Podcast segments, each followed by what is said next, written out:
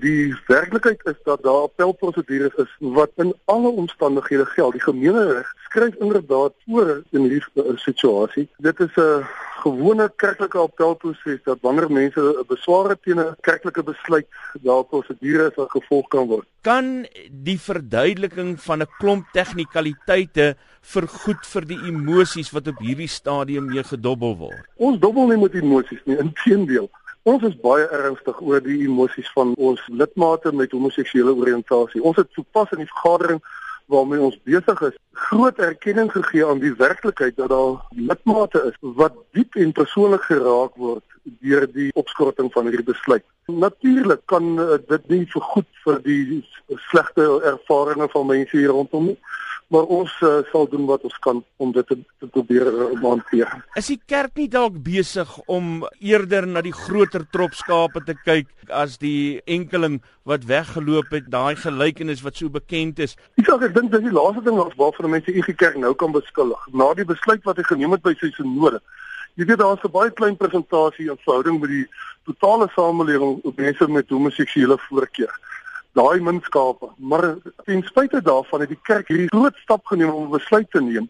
Ek dink dis die een kerk wat uh, dit onomwonde gesê het met sy besluit. As 'n mens sê jy's ernstig oor mense se emosies, sou mens nie kon verhoed om die besluit vir 2 jaar uit te stel nie. Nee, ons het uh, die beste regsadvies gekry. Ons het met advokate gepraat, ons het prokureurs geraadpleeg, ons het tot afgetrede regters geraadpleeg. Uit die aard van die saak is dit uh, 'n moeilike posisie om in te wees. Uh, die dit is nie asof ons gaan ophou praat nou oor die saak nie. Ons gaan die uh, tyd benut om verder te praat, verder te dink, verder te onderskei en met mekaar op reis te bly rondom die aangeleentheid. Daar is 'n groot emosie van verleentheid, is die kerk bewus daarvan?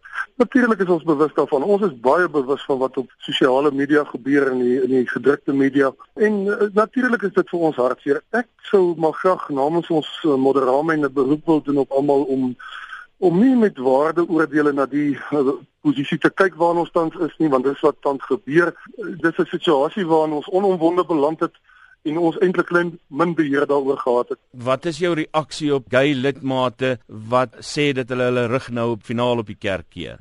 Hulle moenie hulle rug keer op die een kerk wat met baie baie baie groot deernis vir hulle wil, wil ruimte maak en aan hulle wil erkenning gee. Hoe lank sou billik wees vir uh, lidmate om te wag op die goedkeuring van hulle menswaardigheid? Uh, ek sê ons het reeds oor die menswaardigheid 'n besluit geneem, dis 'n besluit wat staan ons 2007 besluit uh, en ons 2013 besluit in die verband staan nog net soos dit gestaan het. Dit is nie in dispuut nie.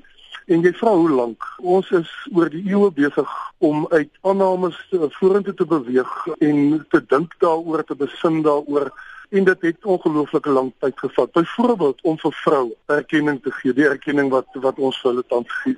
Hoekom klink of lyk dit altyd asof die kerk gedurig in 'n proses is waarin hulle aan ander 'n 'n bestaanswaardigheid moet gee. Laat ek dadelik sê die kerk in navolging van van Jesus Christus is absoluut gestel daarop dat mense se se waardigheid gerespekteer word.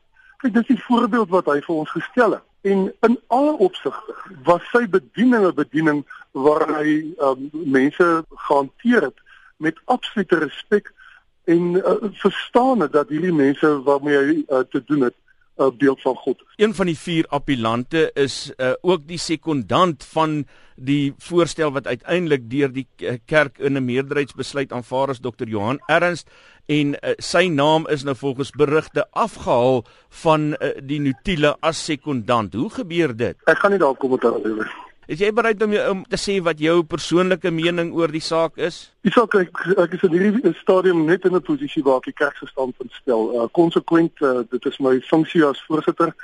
Die gesprekke is kompleks en ek dink 'n uh, ou moet nou net met een stem praat en ek praat met die stem van die algemene sinode uh, as hy as die voorsitter van die moderame.